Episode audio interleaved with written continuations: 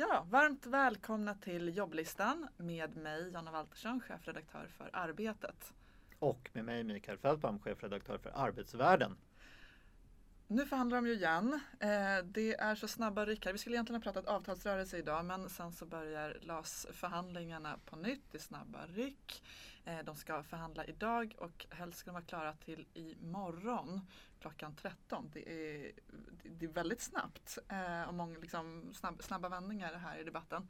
Jag vet att du Mikael, du har en teori om hur det kommer gå nu när de förhandlar igen. Ja, just det.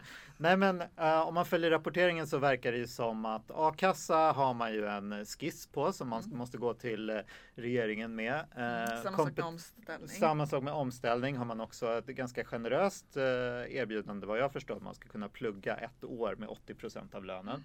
Mm. Mm. men angående turordningsreglerna så det verkar ju vara där det skar sig angående hur stora kretsarna ska vara och Eh, hur många som ska undantas från turordningen i varje krets. Eh, som jag förstod det enligt eh, Dagens Industri så handlade det om, och även enligt Arbetsvärlden handlade det om fem stycken som skulle få undantas från arbetsgivarna och då tre stycken var fackens slutbud.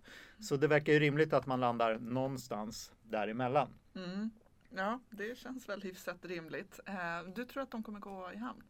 Man kan tänka sig att den stabilitet som finns i 29 månaders avtal är beroende av att man har en lösning inom räckhåll.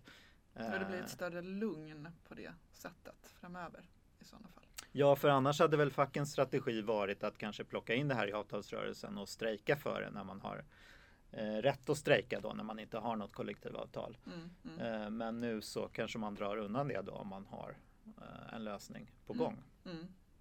Men eh, Jonna, du har ju mer spaningar kring avtalsrörelsen och hur eh, det, hur det kommer gå. Kan du berätta om? Ja, precis. Inte avtalsrörelsen som helhet, men det som vi har tittat på i senaste numret av Arbetet är löneutvecklingen för jobben inom välfärden. Och det man kan konstatera eh, det är att de, de yrkesgrupper som har medvind i samhällsdebatten, de får ofta också gärna påslag på sina löner.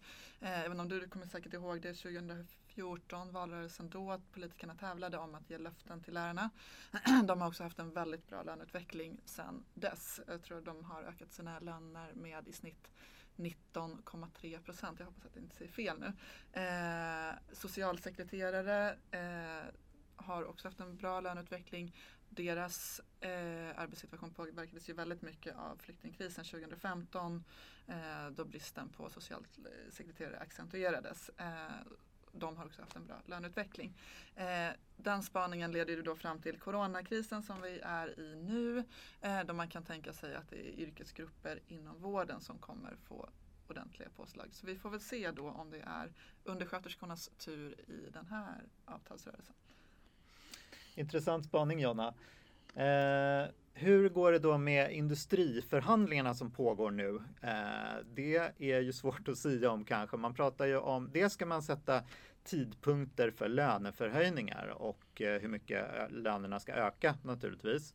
Eh, I vår artikel i Arbetsvärlden så eh, säger arbetsgivarna till exempel att de skulle bli galna om de behövde eh, diskutera nya löneökningar nu redan i maj efter att ha diskuterat den första gången i november. Så man kan ju misstänka att det där kommer bli en förhandlingsfråga hur man delar upp det eh, under den här långa avtalsperioden. Mm. det som man från PTKs håll diskuterar är ju förutom löneökningar då naturligtvis eh, vab-utfyllnad och flexpension har man lyft upp mm. som villkor. Mm, just det, superintressant. Men och de här förhandlingarna lär ju påverkas av vad som händer nu bara de närmaste två dagarna i LAS förhandlingarna. Och du är ju mer optimistisk den här gången, har lagt fram bra, bra anledningar för det. Jag kan ju å min sida känna mig lite mer pessimistisk utifrån det som händer inom LO där vi har en tydlig utbrytargrupp som överhuvudtaget inte vill, vill förhandla och LO blir en organisation som är just nu väldigt hårt pressad. Just det, jag tänker att samma utbrytargrupp har ju funnits även inom arbetsgivarna om än inte lika eh, offentligt kanske.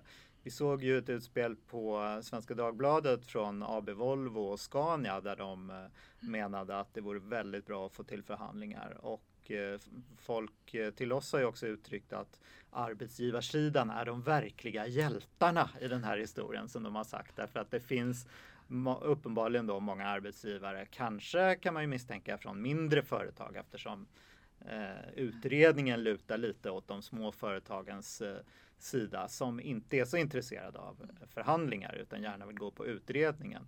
Så, men jag tänker att Eh, det kan ju sätta en sorts eh, positiv press på förhandlingarna också att man har den här typen av utbrytargrupper. Alltså, det är väl en klassisk politisk eh, strategi att man måste ha en mer militant grupp att hota med eh, om inte de fredliga förhandlingarna ska gå i lås. Se på ja. Nordirland eller mm. Sydafrika för den delen. Ja, jag är inte säker på att de här förbunden skulle skriva under på den verklighetsbeskrivningen. Men, men finns det en strategi i det så, så är ju det helt klart intressant. Så.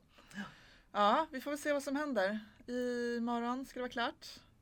Det... Och eh, precis. Och eh, om två veckor är vi ju tillbaka. Men avtalsrörelsen kommer inte vara klar då, utan vi kan fortsätta spekulera. Härligt. Tack för oss. Tack så mycket. Hej.